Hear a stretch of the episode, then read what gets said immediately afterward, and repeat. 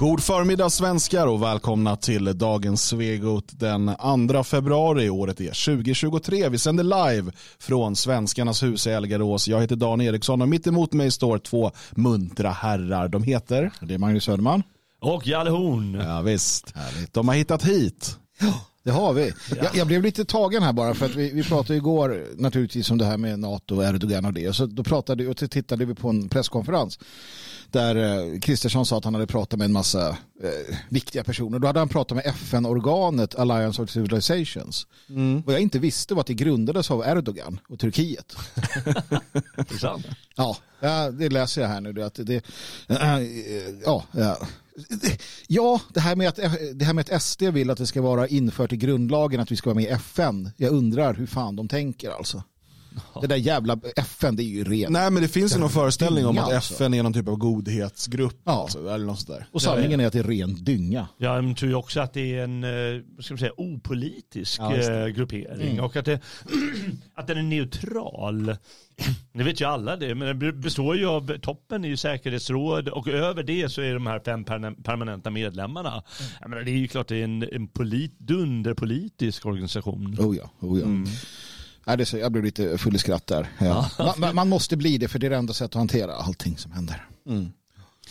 Ja, eh, det, det, är svårt att göra på något annat sätt. Den som vill kan ju kolla upp till exempel det här FNs råd för kvinnliga rättigheter. Tror jag. Just det, så. Som väl leds av Saudiarabien ja. och Qatar. Ja. Och någonting. Det, det, är alltså det, är ju, det är ju som en parodi bara. Ja, men det är bra att de ändå går i bräschen. Ta in talibanerna också. också så har, vi mm, liksom, alltså. då har vi koll på brudarna. Vi skulle kunna minska trafikolyckorna om vi hade saudiarabisk politik. Precis. Skulle precis. kunna göra, men eh, det är ju väldigt många inom svensk eh, politik som hoppas att få tjänst inom FN. Mm. Kan vi liksom inte se till att de får tjänster just på den avdelningen mm, tillsammans med saudierna och, och Irakien och jemeniten och allt vad de är. Ja, varför inte? Ja, varför inte? Passar dem bra. Ja. Vi sa ju igår också att om Ulf Kristersson fortsätter vara så här underdånig mm. Eh, så det enda det kommer leda till är ju att eh, Erdogan kan fortsätta ställa krav på krav på krav. Igår var det faktiskt ett ganska långt inslag på Rapport eh, där, från Tyskland där man varnade Sverige för att inte gå i den tyska fällan och vara så, visa den här undfallenheten mot Erdogan. För det enda som händer, menade de, var att man hamnar i en, eh, alltså man blir en typ av, man blir kidnappad nästan och du kan, du kan liksom inte ta dig ur det för att ger du dem, går du med på en sak så kommer de kräva fler saker. Mm. Och så funkar de och det här har vi tjatat om också klart att när man har med mellanöstern folk att göra så de har ett sätt att, att eh, förhandla som inte är likadant som i Norden. Ehm, du måste ha en Donald Trump-inställning. Om du kollar i hans uh, The Art of the Deal. Alltså du, du måste gå in med ett skambud. Och, och sen liksom för att kunna komma dit där du vill vara. Mm. Och så på ett sätt jobbar ju eh, man araber och turkar och så vidare så också. Mm. Ehm, men framförallt så ser de, ah, vänta, här kan jag gå ännu längre, här kan jag få ännu mer och då mm. fortsätter man att trycka på. Mm. Och vad ser vi då? Ganska kort efter att vi hade haft vårt program igår så kommer det ut. Då har ju Erdogan suttit och, och lyssnat på um, vårt program igår. Som han uppenbarligen yeah. verkar göra. Uppenbarligen, ja, det gör han. Um, det finns ju sådana AI-tolk nu och så också, det går ju fort. Och uh, då, då förklarar han att uh, vi kommer inte uh, låta Sverige gå med i NATO förrän ni förbjuder koranbränning. Mm. Ja, så är det. Och då, då... Och då sa, vad sa Kristersson då? Det är förbjudet. Nej, man, man, försöker nu så här, men vi hade ju ett avtal och i det avtalet, där står det ingenting om religion. Nej. men som att, och då, då är det så här, nu är det så här nordisk byråkrati möter liksom mellanösternförhandling. Ja. ja, och sen Erdogan kanske blev upplyst som många andra blev att Finland de facto har den typen av blasfemilagar som gör att till exempel eldning av Koran inte skulle tillåtas. Just det, just det. Ja. För många tror ju att ja, men hela, hela västvärlden är liksom eh, tolerant på det sättet att det är en, del, en grundläggande del, utan det är det ju inte. Eh, I Finland till exempel. Och Sen är det det i princip resten av den vita världen. Mm. Ja. Man har visat det, jag har läst lite, lite artiklar om det, hur man visat på finsk lagstiftning ja. att det därför är enklare för dem och att det är många som önskar att den lagstiftningen fanns här Precis. också. Och man, man påpekade också nog, nogsamt igår att ja. Ebba Busch och KD har uh, varit uh, anhängare av den typen av lagstiftning. Ja, du ser. Att, eh, men de får i alla fall mothugg. Jag läste någon artikel i, debattartikel i, i Svenskan där Medborgerlig Samling, de fick minsann utrymme.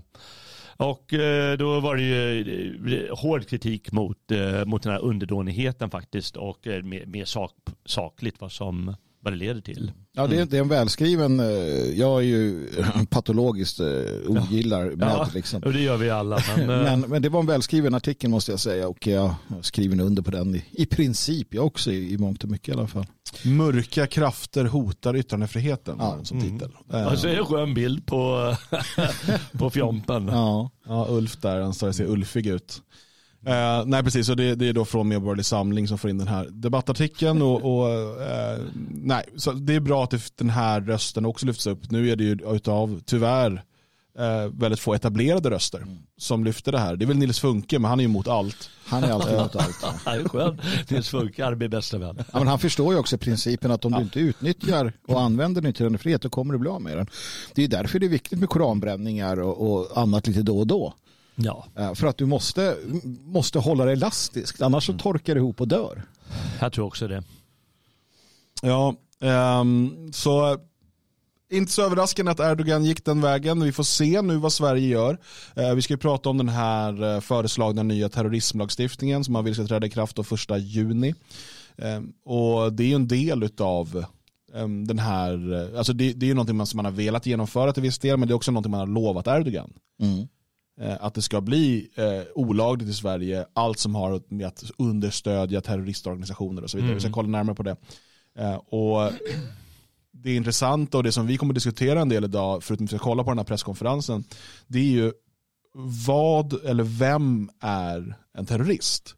Eh, för att PKK till exempel då som är, som är terrorklassad i Turkiet antar jag, mm. Um, och även då i vissa europeiska länder och sådär. Men det är, det är, väl inte en terrororganisation i Sverige tror jag. Nej, att den är klassad inte. som det. Och de har inte, mig veterligen inte begått terrordåd i Sverige. Om inte underlättande av invandring av kurder mm. Eh, bör ses som terrorbrott. Men, men, men eh, och då hamnar vi ju i den här konstellationen för det, någonting kan ju vara olagligt i ett land men tillåtet i Sverige. En, en, för, en förening eller en, en, ett parti kan ju vara terrorklassat i ett land mm. men inte vara det i Sverige. Om man kommer som politisk flykting, um, vi säger då ifrån Turkiet, från oppositionen, mm. så får man asyl i Sverige. Och sen så säger Erdogan, uh, det där partiet är terror, en terrororganisation. Jaha, du som hade asyl, nu ska vi skicka ut dig och nu är du dömd för, för nu har du haft med en terrororganisation att göra. Mm. Så kan det inte vara, det måste ju då vara i Sverige som ja. det här ska vara en terrororganisation. Eller på EU-nivå eller? Ja, men det finns en, sån, en del som, men det var ju till exempel hade vi det för, för på 70-talet, 80-talet när USA till exempel terrorklassade African National Congress, ANC, mm. hela organisationen i Sydafrika var terrorklassad medan då Sverige skänkte miljarder till samma organisation. Alltså det där händer ju allt som oftast att för den ena är det en terrorist och för den andra är det inte det. Men jag förutsätter, jag förutsätter att Ulf Kristersson går vidare med ett lagförslag om att förbjuda koranbränning i Sverige. För att han sa igår på presskonferensen att det finns inget viktigare nu. Mm. Inget viktigare än att Sverige går med i NATO. Och om det är sant, om det är sant, om han menar allvar med det, då måste vi förbjuda um, koranbränningar i Sverige så att Sverige kan gå med i NATO. Det är det enda logiska. För att det är överordnat allt. Jag tycker han var tydlig på den punkten. Så Ulf Kristersson, förbjud koranbränning i Sverige. Var lite jävla stringent. Ja, men var det. Men det är ju inget problem. För det är någon som skriver i chatten här, Uppsala i Sveriges vagga, att eh, den svenska översättningen borde ju gå bra att bränna eftersom det bara är den som är skriven på arabiska, klassisk arabiska, som är den enda mm. och riktiga. Så it's no problem. Egentligen inte va, men nu, nu förutsätter du någon form av stringens hos muslimerna. ja, aj, aj. Ja, det, det, är väl det sista man ska anklaga dem för. Ja, nej, det blir nog svårt. Um, så att vi ska kolla på den här presskonferensen och se vad eh, Gunnar Strömmer säger. Vi har ju eh, kollat igenom, eh, skummat igenom här förarbetena och sådär också försökt förstå hur man egentligen definierar terrorism och det finns ju redan i, i lagen till viss del och, och, vilka saker som ska bli olagliga. Så vi får se vad Gunnar Strömmer tar upp. Och det är bara det att det, de människor som, som står och hejar på sådana här typer av lagförslag det, det, är den typen av människor som älskar att gräva en grop till sig själva. Mm. För att man måste vara väldigt försiktig med inskränkningar i organisations, föreningsfrihet, yttrandefrihet, eh, mötesfrihet och så vidare. Eftersom att när den dörr, om den inte är absolut så, så har du redan öppnat en dörr. Och den dörren är livsfarlig. Vi, alltså I Tyskland till exempel då, som har det här med organisationsförbud. Man förbjuder ju alltså, organisationer från höger och vänster, eh, mc-klubbar, allt möjligt gång efter annan med helt absurda konsekvenser om att människor inte får träffa varandra längre om de har varit med i den här organisationen. Och man, man sätter ett parti som AFD, Alternativ för Deutschland, under eh, liksom kontroll. Alltså Säkerhetspolisen ska hålla extra koll på dem så de är, de, är, de är på gränsen innan de blir förbjudna. Alltså de är, de är bevakade av säkerhetstjänsten. Mm. För att de kanske då utgör ett hot mot statsskicket och därmed är terrorister. Mm.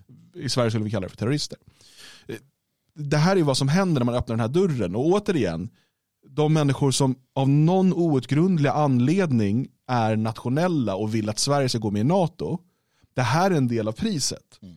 Alltså förstörandet av vår yttrandefrihet, förstörandet av vår förenings och organisationsfrihet det är en del av priset vi betalar för att gå med i NATO. Är det värt det? På vilket sätt är det bättre för vår frihet, för vår trygghet, för vår säkerhet att våra friheter tas ifrån oss? Ja, men mm. det, det, vet ju alla, sen, det är ju sen, sen, eh, sen länge eh, sant, att det, det är alltid bra att ge upp eh, frihet för ökad trygghet. För till sist så blir vi liksom supertrygga, supertrygga inlåsta ja. i våra lägenheter, konstant internerade, vi blir sondmatade.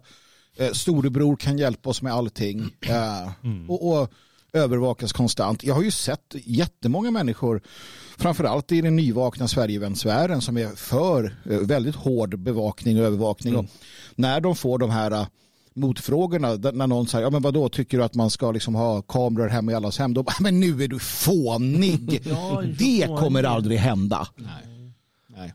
Jag kan ju också säga att eh, om man säger motsatsen att eh, USA som är ett starkt land mm. och visar sin styrka. De skulle, ingen skulle ifrågasätta deras yttrandefrihetsrätt som är väldigt, väldigt långtgående. Mm. Trots, är det något annat NATO-land som gör det? Nej. Är det någon som ifrå, något annat NATO-land som ifrågasätter Turkiets eh, när, närmast islamistiska politik? Nej. Nej. det är det inte. Utan det är bara svaga Uffe som, mm. eh, som vill köra det loppet. Ja, och det, för det är det det handlar om. att Eftersom att eh, Ulf Kristersson saknar ryggrad och inte står upp för några principer, vilket vi konstaterade igår, så kan man köra över honom hela tiden. Istället för att säga, ja, vi vill gå med i NATO um, och för att vi är viktiga för NATO, vårt uh, geografiska läge är superviktigt. Uh, men vi tänker inte ändra våra grundlagar för det. Nej, precis. Det här är Sverige och så kommer det vara. Ska vi vara med i en militärallians med er så ska, något, man sagt något i den stilen. Istället bara, Erdogan, säg vad du vill att jag ska ta på dig. Ja. Och om de inte tar, går precis och säger Erdogan, då kör de det här kortet som vi ska lyssna på nu, terroristkortet, mm. Mm. och säger vi ändrar lagarna på det sättet. Ja. Kallar det terrorism. Låt oss uh, lyssna på uh, justitieminister Gunnar Strömmer som då höll en presskonferens här för en dryg timme sedan. Uh, och sen så dyker vi in när vi känner att det är något som behövs kommenteras här. Först dricka lite vatten. Det är bra. Mm, god morgon. God morgon. Varmt välkomna till den här pressträffen. Tack. när vi, eller jag, ska presentera Eh, en lagrådsremiss som regeringen kommer besluta om eh, vid sitt sammanträde idag. 9.30. Jag måste inte imponera alltså, det här, alltså, snälla, men, snälla, vad fan. han har ingen pondus. Han vill ju inte stå där. Han har inte ens fått en fusklapp, Nej. idioten. Som tuff, vad säger jag, otuff Uffe hade igår. Ja, men herregud, det börjar bli pinsamt. Ja, vad, vad, är det som händer? Så är det kan titta på det här bara. Ja, det, vi kan nog få igenom lite till. Har han vaknat ens liksom? Ja, men det, det är väldigt mycket att det är mycket elevrådsmänniskor som blev eh, politiker. Ah, och det, för det är det som, de har orkat gå igenom de här 20, 30, 40 åren i jävla ungdomsförbund och utskott och skit för att liksom få de här toppositionerna. Mm. Och det är ju bara människor utan själ och liv som orkar det. ja. Eh, och det gäller en följetong kan man säga i svensk eh, terrorlagstiftning. Eh, en, en, process som egentligen inleddes i samband med terrorattentatet på Drottninggatan 2017 och som sen tillbaka till det. Eh, har beretts och prövats på olika sätt Nej. men där vi då alltså kommit till en punkt när vi lägger fram eh, ett förslag om att införa en särskild straffbestämmelse i terroristlagstiftningen som tar sikte på deltagande i en terroristorganisation och en kriminalisering av ett sådant deltagande. Skål. Bakgrunden är att. Sverige sedan 2010 eh, bedöms ha ett, ett förhöjt terroristhot. Eh, Att omvärldsförändringar eh, eh, av olika slag har lett till en ökad hotbild mot Sverige. Eh, Exempelvis eh, hemvändare som har deltagit eh, i IS eh, aktiviteter i Syrien. Är det parodi eller? Ja, det kan, är- är det verkligen? sagt, Har jag hittat på YouTube det här knäppa klipp där de klipper ihop så att det, det tas ut ett sammanhang och sådär? nej, det går inte. Ja, man skäms eller någon som säger, ja du ser, man lider ju som en hund. Ja. Okej, bakgrund, hotet från terrorism är allvarligt. Och sen så det så här, sedan 2010 bedöms terroristhotet mot Sverige vara förhöjt. Och så omvärldsförändringar har lett till ökad hotbild, till exempel från IS-hemvändare. Vänta, vänta. Sudda, sudda bort det där och skriv problemet, massinvandring och mångkultur har skapat ett otryggt samhälle. Så gör något åt problemet. Inte genom att förbjuda organisationer, utan genom att avskaffa mångkulturen. Avskaffa, avskaffa den mångkulturella idén. De som inte vill assimileras och inte kan assimileras och bli en del av det svenska samhället, de kan börja packa sin väska och flytta hem. Det är superenkelt, då försvinner det här problemet. Det kanske kommer. terrordåd mm, här i Sverige. Jag nämnde eh, terrorattentatet på Drottninggatan 2017.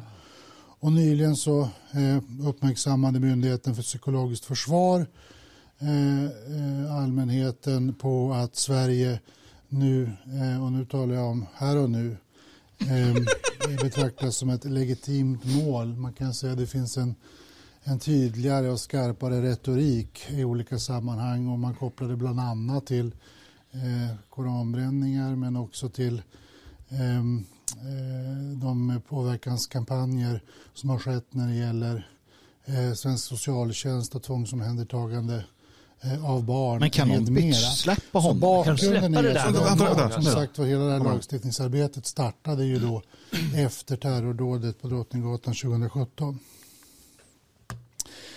Det finns en väldigt omfattande kriminalisering när det gäller terrorbrott redan.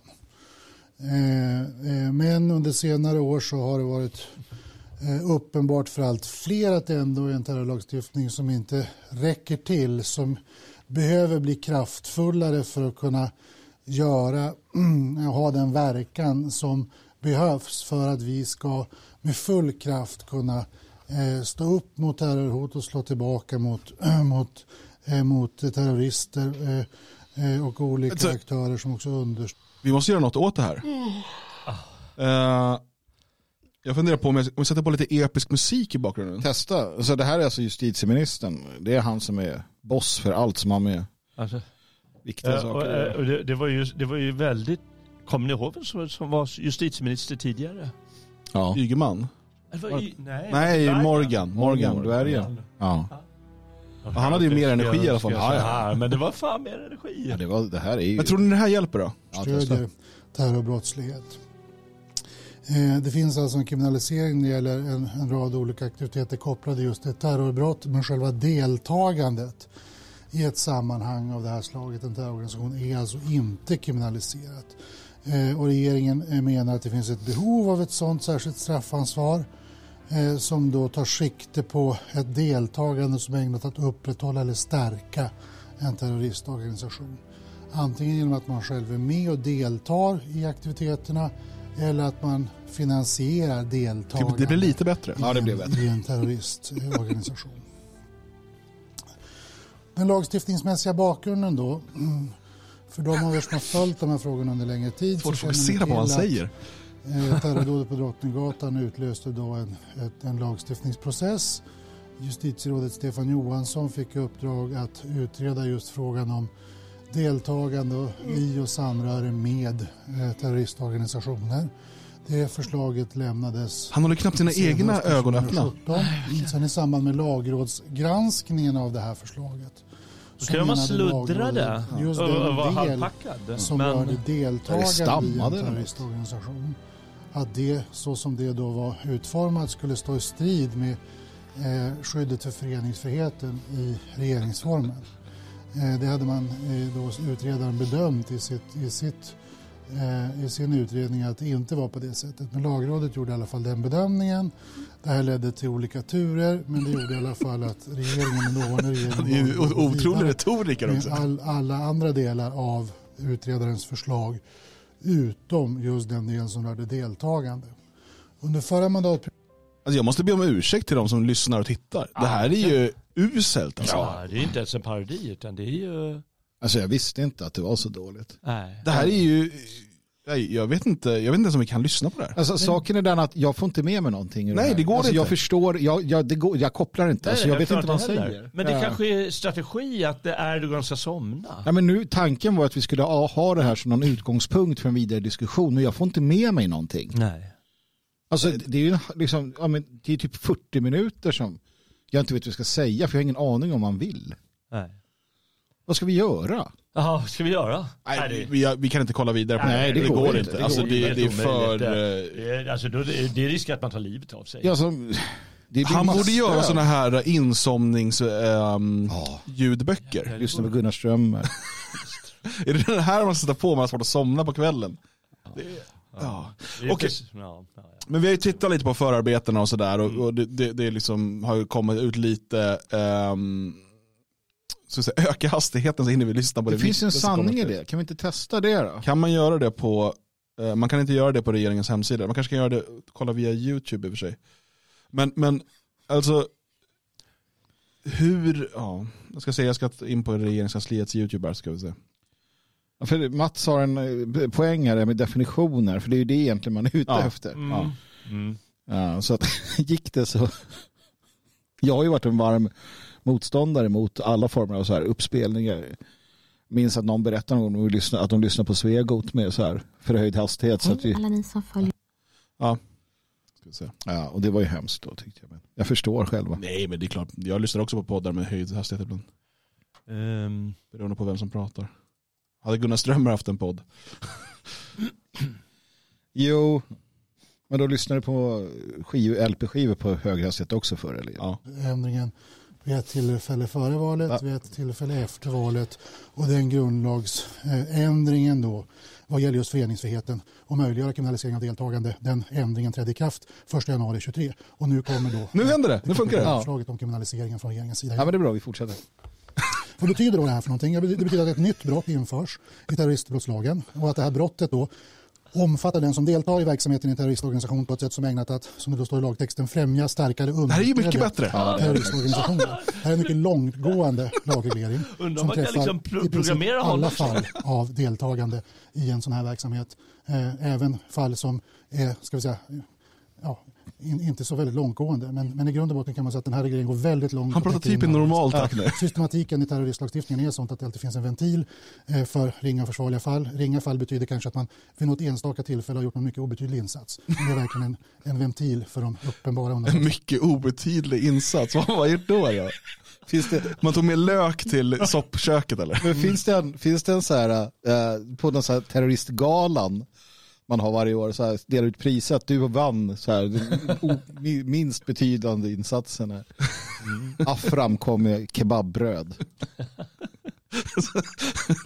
En obetydande insats. Det är roligt att dömas för terroristbrott. Obetydande insats för terroristbrott. Det är så jävla dålig terrorist.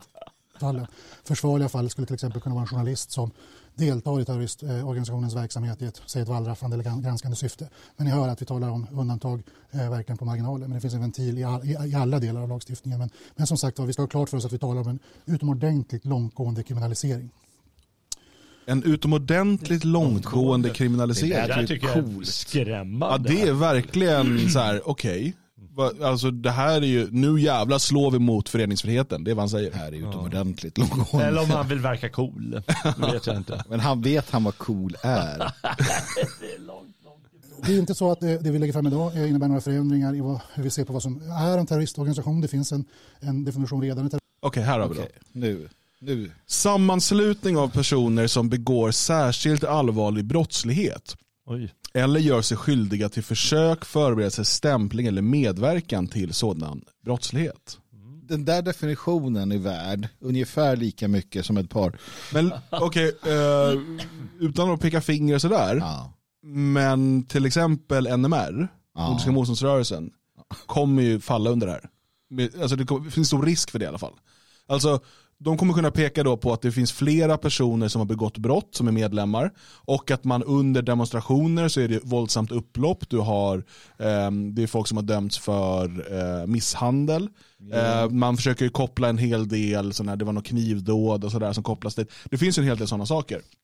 Mm. Eh, och jag tror att man kommer försöka, precis som i Finland har man ju förbjudit dem och Finland verkar ju vara en förebild när det gäller det här. Jo men så här, allt det du säger finns ju med då, eh, som grund för terroristbrott, alltså misshandel och liknande. Det är ju en del av terrorbrottslagstiftningen.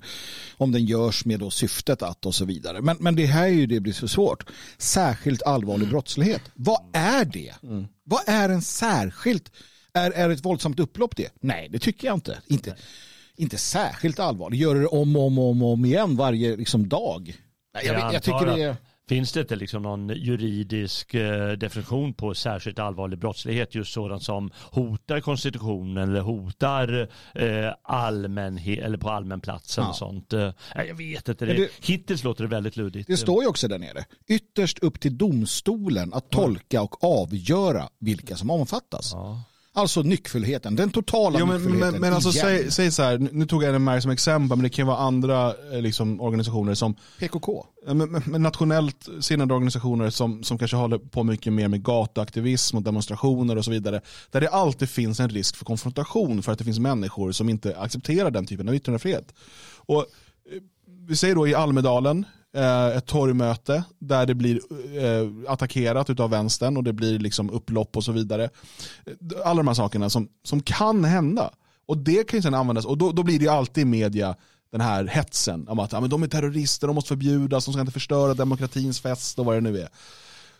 Och det kommer man då, då kommer det bli ett medialt tryck och då kommer man använda det. Alltså, jag tycker, även om det inte kanske sker första året, så är det uppenbart att det, man, det är det man öppnar upp för att kunna göra också. Jag tror absolut inte så här att man har skapat den här lagstiftningen för att komma åt NMR eller en specifik nationalistisk organisation. Mm. Men det kommer liksom med på köpet. Ja. Ja, sen återstår det ju att se det också. Om du... Och vi ska säga också att Jimmy Åkesson har gått ut att han tycker man ska kriminalisera ja, ja. NMR. Men, men alltså, om du tänker, jag menar med den här definitionen så bör ju varenda vänsterorganisation Eh, till vänster om Vänsterpartiet i princip förbjudas per omgående, inklusive dagstidningar de har och liknande som Jaha. konstant, eh, konstant då, eh, förespråkar ja. antifascism, alltså Exakt, ja. våldsam antifascism. Det ingick ju där att, att uppmana till ja. eh, terroristisk verksamhet. Precis ska kriminaliseras. Och de skriver på sina hemsidor att vårt mål är mm. att med våld förändra mm. hur människor tänker. Mm. Det har aldrig... Men tror du man kommer använda det här mot till exempel AFA? Säkert. I den, i Jag den... tror att det kan bli som i Tyskland. Mm. Mm. Det staten måste börja stå för sig själv någonstans. Terroristlagstiftningen eh, där det står att eh, med terroristorganisation avses då en sammanslutning av personer som begår särskilt allvarlig brottslighet eller gör sig skyldiga till försök, förberedelse, stämpling eller medverkan till sån brottslighet. Eh, och ytterst är det upp till domstolen, rättstillämparen, att i det konkreta fallet avgöra om den organisation, den verksamhet som det är fråga om, eh, så att säga faller inom ramen för eh, organisation eller verksamhet. Bara för att förtydliga då, vad är det som nu blir straffbart som inte är straffbart idag? Vad är det som så att säga, tillkommer nu genom det här? Man kan säga att terroristlagstiftningen i stort kriminaliserar handlingar som görs kopplat till ett terrorbrott som, man, som antingen så att säga, Eh, ja, men fullbordas eller planeras eller avses liksom äga rum.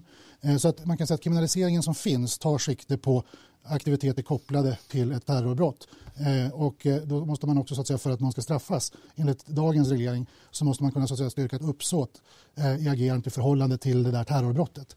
Eh, det här är ju en, en bredare eh, kriminalisering som också tar sikte på en massa aktiviteter inom ramen för en terrororganisation som inte så att säga, konkret behöver kopplas till ett specifikt... Så nu behöver inte ha med terrorbrott att göra, det är det han säger? Ja, det är det han säger. Fram tills nu så är det ju att det måste vara just ett terrorbrott som mm. begås. Mm.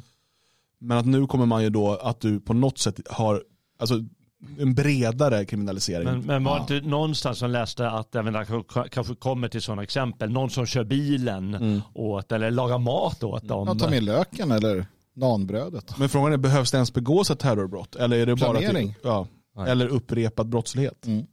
terrorbrott. Eh, att ta hand om utrustning, sätta upp läger, ordna möteslokaler, anordna aktiviteter, laga mat, ansvara för transporter. Stopp, stopp, Man kan stopp, säga stopp, stopp. Anordna aktiviteter. Ja, men titta på de här, ja, men titta på de här. Det finns ju olika såna här välgörenhetsorganisationer som, som kallas för att de, att de sympatiserar med terrorbrott. Om de då arrangerar någonting, en sån här hoppborg på stan i, i Södertälje.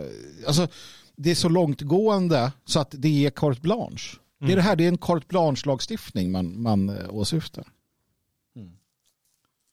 Aktivitet i en terrororganisation som är ägnad just att ska säga, stärka och upprätthålla verksamheten men som inte nödvändigtvis har ett uppsåt i förhållande till ett konkret terrorbrott.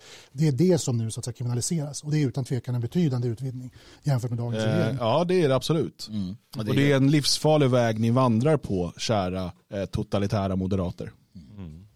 Eh, jag, jag nämnde, eh, det finns naturligtvis då en, en ska vi säga, den här ringa och försvarlighetsventilen för de mest uppenbara marginella fallen. Jag bara fråga, hur stora problem är terrorism i Sverige eh, som, gör, som, som motiverar den här typen av långtgående kriminalisering av saker som inte ens är terrorism utan som finns runt omkring det som skulle kunna bli terrorism. Om man säger så här, ja, det, det som hade under perioder kunnat göra det, det är när vänstern verkligen hårdsatsar. Vi har haft de exemplen där man de, de facto har begått eh, den typen över tid. I Men de människorna jobbar ju idag på mediebolagen, får Guldspaden. Precis. Ja, de, ja. de, det är ju en, Precis. Ja, så att i princip hade det kunnat, liksom, då hade man kunnat, men knappt för det går inom la, ra- ramen för Jo men lagen det är också har. så här, terrorism, det är klart att det existerar och det är ett hot och sådär. Men är det ett så pass stort hot, är det så pass omfattande i Sverige av ett problem, att det, att, för att saker, det kommer alltid ske skit. Och, och, men, men det kan inte motivera långtgående inskränkningar i friheter. Nej. Du kan inte, för absolut, du skulle kunna förbjuda människor att gå utanför sin dörr och då skulle det ske mycket färre misshandlar på öppen gata. Skulle du dessutom tvinga människor att inte, inte bo tillsammans med någon så skulle de aldrig kunna misshandla någon. Och så kan de bara få liksom mat genom någon typ av rör som kommer. Jag vet inte, det går att hitta, och då har man tagit bort alla misshandelsfall. Men det motiveras ju inte. Alltså, det kan man inte säga att det, det är inte motiverat för att vi får leva med att det sker misshandlar eftersom att det är bättre än att ta bort de här friheterna. Och samma sak här då. Är det ett så stort problem med det han kallar för terrorism eller att folk lagar mat åt terrorister eh, att det liksom är ett sätt att alltså ändra grundlagen och, och, och kriminal, alltså, ta bort en grundläggande del av föreningsfriheten. Ja. Men jag tycker det är bra det du säger, att, eh, jag menar, vad blir för skillnad när det gäller terrorismen och terrorismhotet? Eh, eh, jag tänkte innan programmet att man måste, för, för att se händelserna måste man tänka lite som en historiker, liksom ett 50-årsperspektiv här. Och då kommer man inte se att det är någon skillnad i terroristisk verksamhet eller fara. Utan kommer se en annan tendens, brukar jag alltid säga. Det är att man till exempel kommer se hur statsmakten vill stärka deras befogenheter. Det är det som är målet, inte att motverka terrorism. Och det kanske de inte själva ser ens, men det är liksom en sån tendens vi ser. Vi ser det inom EU då hur, hur, den, hur de vill öka makten och de sortens organen inom EU och dessutom har vi sett att EU vill ålägga staterna att, ta itu, att, gö, att öka befogenheterna för respektive stat. Och det är det vi ser snarare än ökad terrorism. Visst, och sen, sen är det ju också så här att, eh, vilket, vilket kommer vara tydligt, eh, för det blev det efter att man omdefinierade våldtäkter. Eh, vi har fantastiskt många våldtäkter i Sverige. Eh, för att en, en handpåläggning på axeln är en våldtäkt. I princip. Det betyder också att inom fem år kommer vi ha fördubblat antalet terrorbrott. Ja, För att de hittar någon gammal hijabtant eller någon annan som lagar mat åt någon. Eh, som, som liksom så. Och då får du fler och då kan ju han stå om fem år och säga att sen Kolla vi vad många terrorister vi Ja, har gripit. nu har vi infört, vi har gripit jättemånga, nu ska vi ha ännu hårdare. Terrorismen ökar för att vi griper fler. Tänk då på så många som inte blir gripna så det måste vara fler lagar. Och så, det, så fortsätter det. Det är ditåt också naturligtvis. Det Ja. vet de ju om. Och du nämnde förut eh, eh, AFD i Tyskland och andra organisationer, Mm. liksom ännu värre för andra politiska organisationer i Tyskland, att ja, då har vi återigen en, en morot för dem. Ja. Öka antal terroristbrott och då kan vi sätta dit. Men, och, och jag menar, Ja. allt, vi kan ju se på till exempel Tyskland då, eh, för jag vill göra, vi pratade om det med Tidöavtalet tidigare, vad det står där. Hemliga vittnen, ja vi har det i Tyskland. Det är för jävligt. Alltså människor som står åtalade, eh, nationalister som står åtalade och inte får veta vem det är som vittnar. Kan därför inte värdera eller ens en gång på ett, äh, ett vettigt sätt kunna försvara sig själva. Eftersom de inte ens vet vem vittnet är som påstår att den personen har gjort X eller Y den dagen. Eh, det, det har, vi, har vi flera exempel på. Vi har organisationsförbud. Vi har eh, liksom massor av eh, det där visade de också på rapport igår och vi som har varit i Tyskland på en demonstration känner till det. Innan du får demonstrera i Tyskland så ska polisen gå igenom alla dina banderoller, alla dina flaggor. Eh, du, får, du måste lämna in vilka slagord som ska ropas. Du ska lämna in talen så att de förläses av polisen.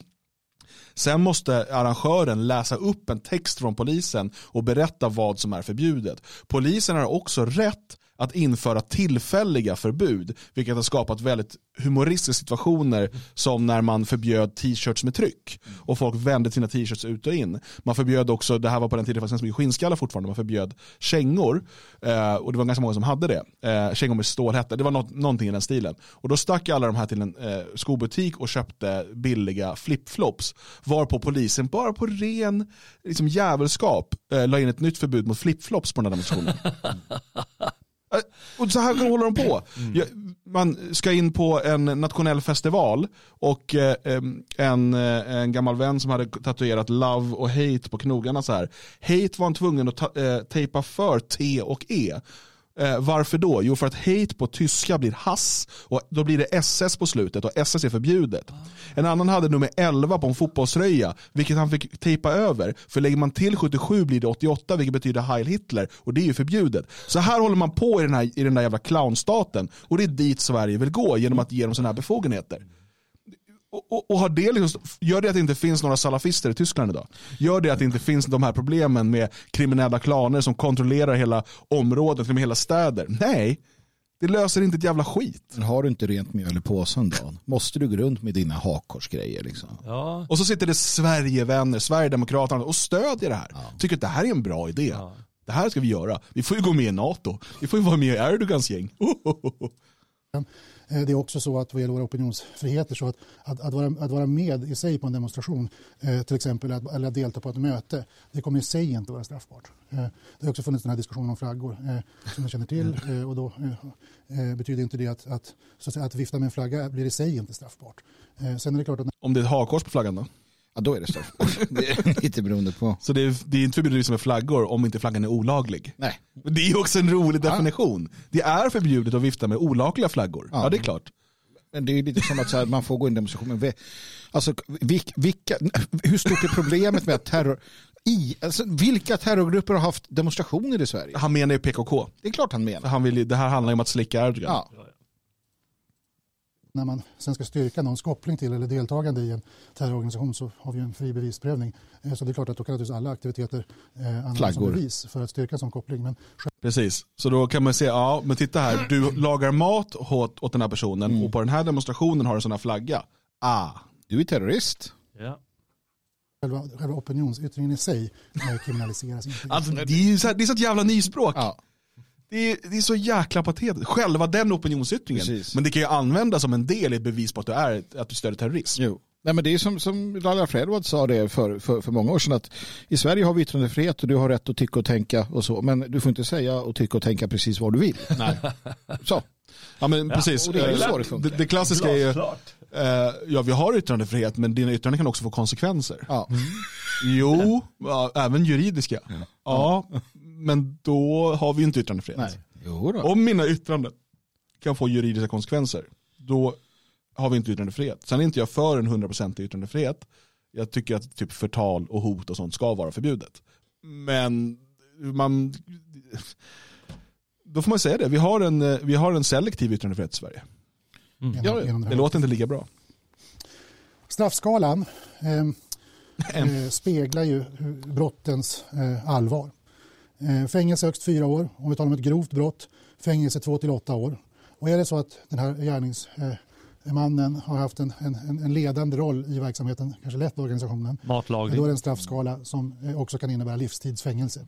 Eh, och det betyder att vi tar fram de, de, de hårdaste straffen som vår rättsordning erbjuder för att adressera brotten och brottens allvar. Återigen, är det här ett problem som behövs åtgärdas i Sverige? Ja, säger Erdogan. ja men, kära svenskar, tänk efter lite nu. Är det, här, är, det, är, det, är det här ett problem ni upplever som är stort? Och framförallt, om det nu är så att det finns ett stort problem, om ni tycker att det verkar vara det, med terrorister i Sverige, eh, alltså aktiva IS-grupperingar och så vidare. Eh, kommer det lösas genom att det bara blir lite, lite fler saker som blir olagliga kring det? Är, är det liksom juridiken som har stoppat IS från att begå fler terrordåd i Sverige? Mm, det är det. Det är så här, de går och väntar på, blir det snart lagligt att spränga sig själv? Eller jag vet inte, för just nu kan vi inte göra det. Eh, så att, för det är ju också hela den biten. Jag förstår att de ska ha fler verktyg, bla bla bla bla bla. Men man vill inte liksom göra någonting åt själva grundproblematiken. Alltså det, mång, det här mångkulturella projektet som har de här spänningarna inbyggda i sig. Eh, och, och att eh, istället så det man gör nu det är att man ger efter för islamister. En schattering av dem, den som Erdogan tillhör. Mm. För att slå mot andra islamister mm. eller kurder eller vad det nu är för någonting. Och, men nej, det är så jävla dumt alltså. Det är så jävla dumt. Även försök till deltagande kommer att kriminaliseras. Och det är redan idag förbjudet att finansiera terrororganisationer. Men även på den som, den som på olika sätt bidrar till att finansiera någons deltagande i verksamheten. Man kan tänka sig att någon betalar flygbiljetter till någon som ska åka från Sverige för att delta i en terrorverksamhet. Eller ska åka från Danmark. Och... Eh, den som bidrar finansiellt till deltagandet eh, kommer också... Ja, Chang Frick kanske dömas då för det nästa gång. Ja. Blir ja, det är inte omöjligt. Att göra sig skyldig till en, till en brottslig handling. Det här är sånt som Jävlar. terrorlagstiftningen. Och det här var ändå uppspel, ja. uppspolat en och en halv gång. Så det där var en konstpaus på 7-8 sekunder. Ja. De svenska domstolar ska kunna eh, döma i sådana här fall oavsett vem, eh, vem, vem det gäller och var de här brotten har begåtts. Och tvångsmedlen, alltså möjligheten till ja, men, exempelvis hemlig avlyssning och annat, eh, ska vara möjligt på samma sätt som vi Det där är också intressant egentligen. Alltså, att, att det spelar ingen roll var brottet begås så att säga, det brottet. Jag kan förstå att man, du vet, man dömer, dömer krigsbrott och sådär. Men det betyder ju att du då, om du är svensk medborgare i ett annat land, begår ett brott, till exempel misshandel då, eller serverar lök till någon som är med i en terrororganisation och kommer hem så kan det brottet då i Sverige beivras och du döms för det. Även om du är i ett land där det, det här, inte är. Precis, men det här är samma, det var en diskussion om att du ska kunna dömas för sexköp. Ja. Om du köper sex i ett land där det är lagligt. Ja. Ehm, du kan ju dömas eh, om du röker cannabis i Holland ja. eh, och fortfarande har det i blodet när du kommer till Sverige så kan du dömas. Ja. Eh, om de, du inte helt utom rimligt tvivel kan bevisa att det bara intogs när du var där. Ja. Det finns lite sådana där konstiga. Men och det där, så där pratar man ju om att det ska fungera och det, det är ju väldigt intressant för det borde ju då fungera åt andra hållet också. Det alltså att tyskar borde ju få köpa sex i Sverige. Holländare borde få röka gräs ja, i Sverige. Ja, mm. Så de ska, man ska, bara, ska bara följa den lagstiftning man är medborgare i då? Eller? Men vad det också gör, det är att det eh, öppnar upp för svenska staten, till exempel svenska staten är arg på Kina för att Kina har polisstationer i Sverige som ja. övervakar kineser. Mm. Då måste ju Sverige och svenska staten då, de har i alla fall rätten i, i framtiden då. Att, alltså, vi, vi övervakar Facebook-konton om du åker till Tyskland och ligger med horor. För då, eller åker till Syrien och, och ligger med horor. jag vet inte vad man gör i Syrien. Eller terroristar. Liksom, så. Ja. Eller åker någon annanstans och begår lagbrott. Man kanske någon skriver, haha jag körde mot rött i Houston. De bara, ja men kommer till Arlanda. Så bara, det får man inte göra din jävel. Det ingår liksom, jag säger inte att de kommer göra det. Men de kommer ha laglig rätt då. Eller ja, per, per, per definition nödvändighet. Mm. Annat. Eh, ska vara möjligt på samma sätt som vid övriga brott i terroristlagstiftningen. Så att eh, man kan där fogas in i den befintliga lagstiftningen. Men vänta, tvångsmedel som vi, så att man ska då kunna, för någon som misstänks då för att laga mat åt någon som är terrorist, mm. ska man kunna använda eh, tvångsmedel på samma sätt som, vi, som för terrorister. Ja, men då kommer i alla fall... Eh, eh, så ännu mer övervakning, ännu mer avlyssning, ännu mindre privatliv. Ja, och eh, insatsstyrkan kommer få mycket att göra med tanter som lagar löksoppa och nanbröd. Som övriga brott i terroristlagstiftningen så att eh, man kan där fogas in i den befintliga lagstiftningen. Tidplanen då avslutningsvis, idag beslutar alltså då regeringen om en lagrådsremiss. Planen är att eh, lägga eh, en proposition eh, den 7 mars. Eh, exakt när riksdagen sen behandlar det är ju upp till riksdagen men lagändringarna föreslås då träda i kraft eh, den 1 juni alltså, vi pratar, år. Alltså det här ska egentligen då gå ut till alla instanser olika... Ja, det har ju pågått under tid innan. Ja, jo, jo, precis, men ändå alltså. Det, det... Man har ju hållit på lite fram och tillbaka, det kommer kritik och sådär, men det spelar ingen roll. Alltså, de bara kör ju bara igenom allting. Ja. Och, och som det nämns i chatten här, det här är ju en del av uppgörelsen mellan Sverige, Finland och Turkiet. Mm. Alltså det här är ett sätt att låta Erdogan diktera svensk grundlag. Ja. Och det sitter de här jävla NATO-mupparna och bara Bra! Jag, jag, jag kan inte förstå mig på dem alltså. Hur, hur man kan gå med på det här. Hur man kan låta Sverige bli så här förnedrat. Det, ja. Och därmed skulle då den här långa resan när det gäller deltagande brottet eh, vara i mål på den här sidan halvårsskiftet. Det var det jag tänkte eh, säga eh, så här inledningsvis och med det så lämnar jag ordet fritt. Då börjar med ja, så vi struntar i frågorna. Ja, jag tror inte att vi blir klokare. Nej. Eh, såg eh, i chatten att eh, det framförallt handlade om flaggviften och Erdogan. Eh, vad kommer Erdogan tycka om det här? Kommer han gilla oss nu? Precis. Får vi gå med i NATO nu? Får vi vara med nu?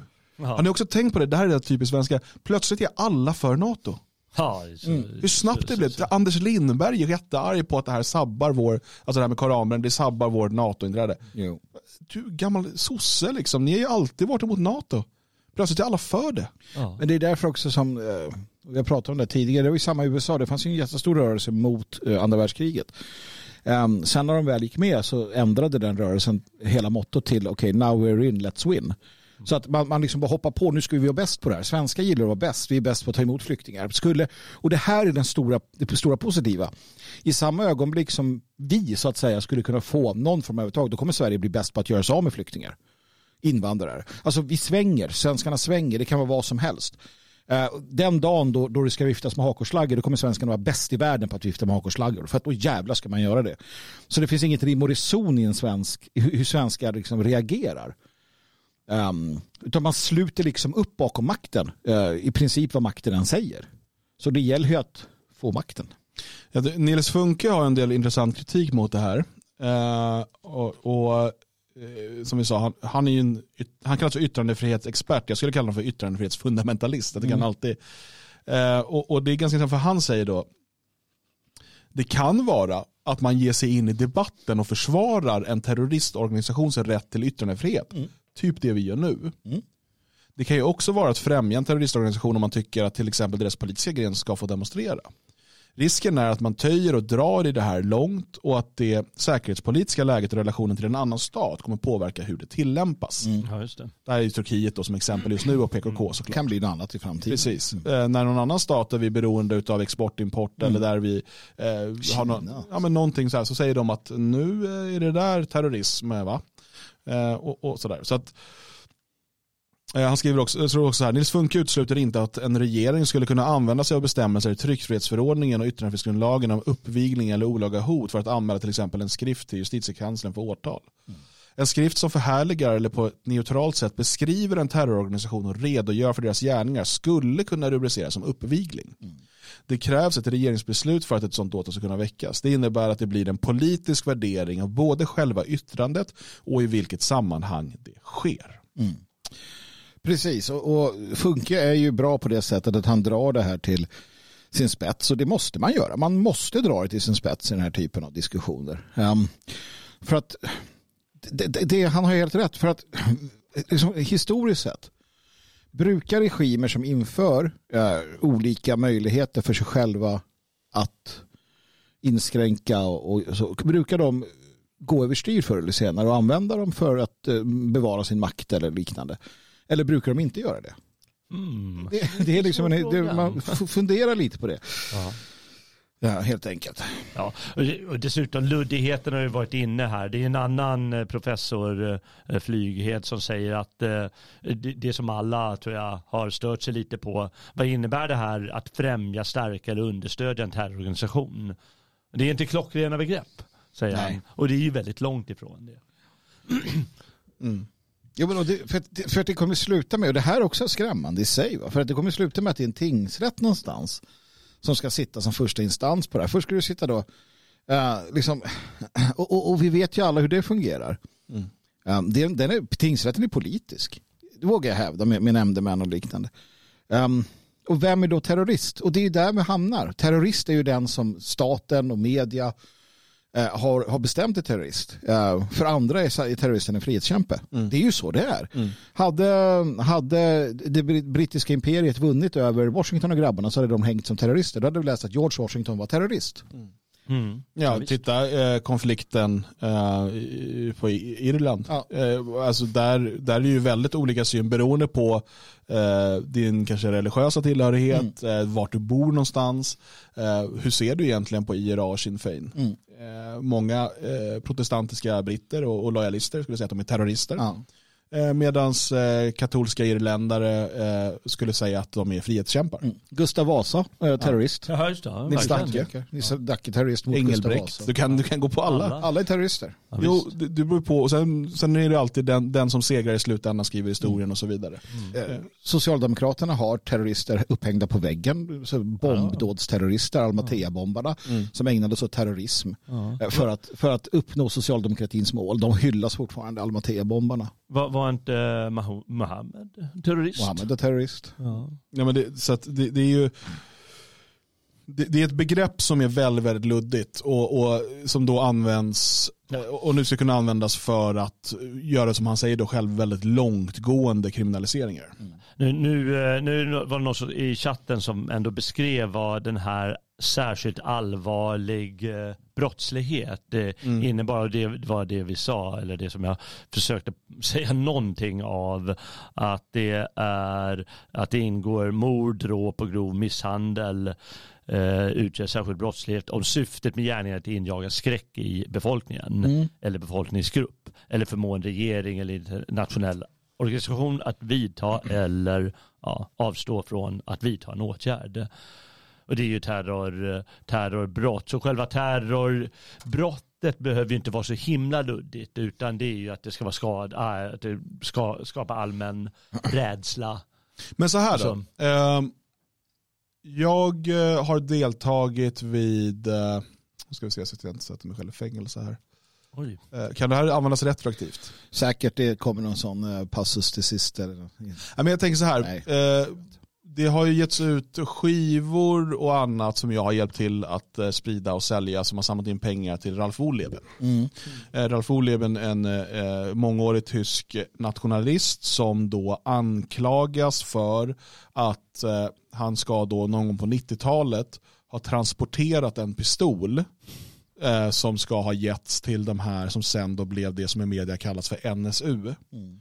Eh, som ju då klassas som en terrororganisation i Tyskland. Och det där är en, en historia med massor av underligheter som vi har pratat om tidigare. Eh, och där har vi också då anonyma, ett anonymt vittne som påstår att han har sett Ralf Woleben göra detta. Eh, han satt eh, häktad under flera år eh, och ehm, under tiden så samlades det in pengar till han och hans familj och lite sånt där. Det är ju då understödjande av terrorism. Eller? Ja, det skulle det kunna vara. Det är, där, det är där vi kommer till det svåra. Nu är det någon som säger här att i den här frågestunden så säger Strömmen att det mer eller mindre räcker med att tänka att man vill stödja ja. för att kunna dömas. Och då är det liksom den här, hur lång är kedjan till att du stödjer terrorism? Ja? Bara mm. den här insamlingen till någonting som leder till ett försvar av vad han är. Mm. Kanske innan eh, det begåtts brottet eller något sånt. Eh, mm. Var, var, hur, hur långt sträcker sig kedjan? Det, det, blir ju, alltså först och främst så, så behöver man ju bara konstatera att det, det, enklaste lösningen på det här det är ju att, som vi var inne på initialt, i att avskaffa mångkultur och massinvandring. Det som kommer hända är ju naturligtvis samma sak som har hänt med hets mot folkgrupp-lagstiftningen som, som var i början hade liksom ganska tydliga definitioner. Sen så har den kommit att omfatta mer och mer. Du har i USA den här idén om hatbrott. Det att, och det finns i Sverige också. Det här att om du, om du till exempel slår någon på käften. Du hamnar i dialog med någon på stan och så klipper du till den här personen. Då gör du skyldig till misshandel. Sen tittar polisen på det här och säger men du hade ju kängor med vita skosnören. Är du liksom, jaha du gillar SD, jaha du är, okej okay, du är ju sån här, då blir det hatbrott på det här. Så ja. vi tar brottet plus hatbrott och sen så blir det dubbla straff. Det är samma sak här, till exempel att du, du då, Jalle, gör någonting, eh, blir gripen för det brottet, en misshandel eller ett mord eller vad det nu kan vara. Men sen ser de att du är också, liksom, du gillar ju PKK och de är ju terrorister. Du är terrorist, så då får du tre gånger så, så hårda straff Kanske hade inte det där något med det att göra. Du var bara sur på den här jäveln som du högg ihjäl. Men du, du, du, du hade ju ett klistermärke med PKK i bakfickan. Terrorbrott. Det är så det kommer fungera. Eh, för det är så man gör med den typen. Det gör man med hatbrott och det gör man med annat sånt där. Så det, det är ditåt. Ja. Nej, men det, är, det, det är säkert som du säger, att, eh, som, jag, som jag sa förut, det är liksom inte terrorism de vill åt, utan det är att få starkare befogenheter ja. eh, till lite, lite vad som helst. Mm. Jo, men för vi har ju det. Alltså, om, om en person ger ut min kamp eller ger ut någonting, då är det olagligt. Boken. Boken ja. eller något. Då kan, det kan bolag, man vill göra det. Eller något annat.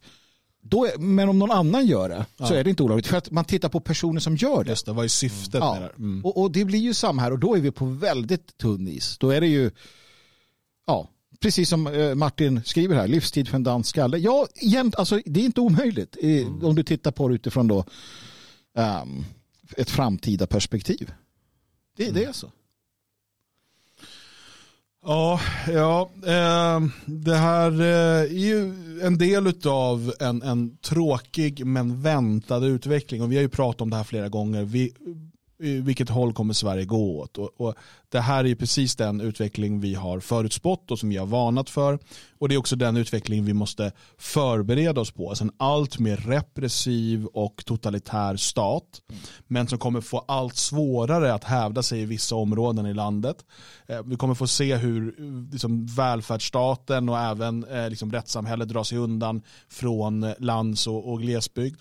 Vi kommer se hur man inte kommer våga gå in i vissa invandrarområden utan istället kommer man deala, som man redan gör idag, med liksom klaner och gäng eh, för att försöka hitta samarbeten. Eh, och, och med, medan man då kommer försöka ge sken av att man, man kan upprätthålla någon typ av ordning och, och så vidare med nya hårda lagar, ny övervakning. Och, och Det här kommer bara bli mer och mer utav tills, tills det helt eh, slår knut på sig själv. Och den viktiga frågan då det är ju att, att fundera på vad kan jag göra under, alltså medan det här sker. Man kan sitta vid sidan om och så kan man stå och klaga. Eh, man kan försöka gå in i politiken och förändra. Eh, men det första alternativet är ju ett förloraralternativ. Det andra alternativet är orealistiskt, men vill du prova, varsågod. Eh, och då måste man prata om ett tredje alternativ, en tredje väg. Vad kan man göra under den här tiden? Hur kan man organisera sig? Vad kan man göra för sig själv, sin familj, sina vänner och sina barn? Eh, för att på bästa möjliga sätt ta oss igenom den här mörka tiden. Och det är det här som vi har eh, liksom återkommer till gång efter gång efter gång. Och det är här som vi, vi försöker visa genom exempel, visa genom det vi gör här i Elgarås med Svenskarnas hus, med att vi flyttar närmare varandra, med att vi hjälper varandra. Eh, nu de senaste dagarna så har vi lanserat det här trygghetsinitiativet här i, i Elgarås där vi ser till att ta ansvar för vår egen bygd och eh, göra den så säker och trygg som möjligt med, och försöker lösa de problem som kommunen har skapat här.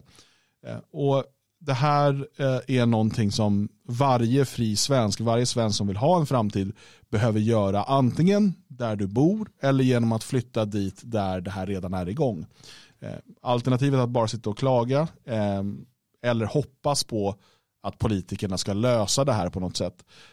Det, det är ett slöseri med tid och det kommer bli gruvligt besviken. Mm. Nej, jag kan, bara, jag kan bara skriva under på det du säger. Det är bra.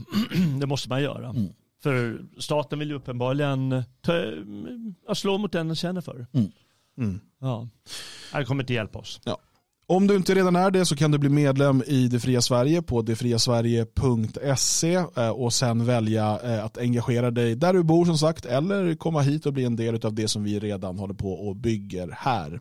Eh, och du kommer, när du blir medlem så kan du ta kontakt med oss och så går vi vidare och ser till hur vi kan hjälpa dig.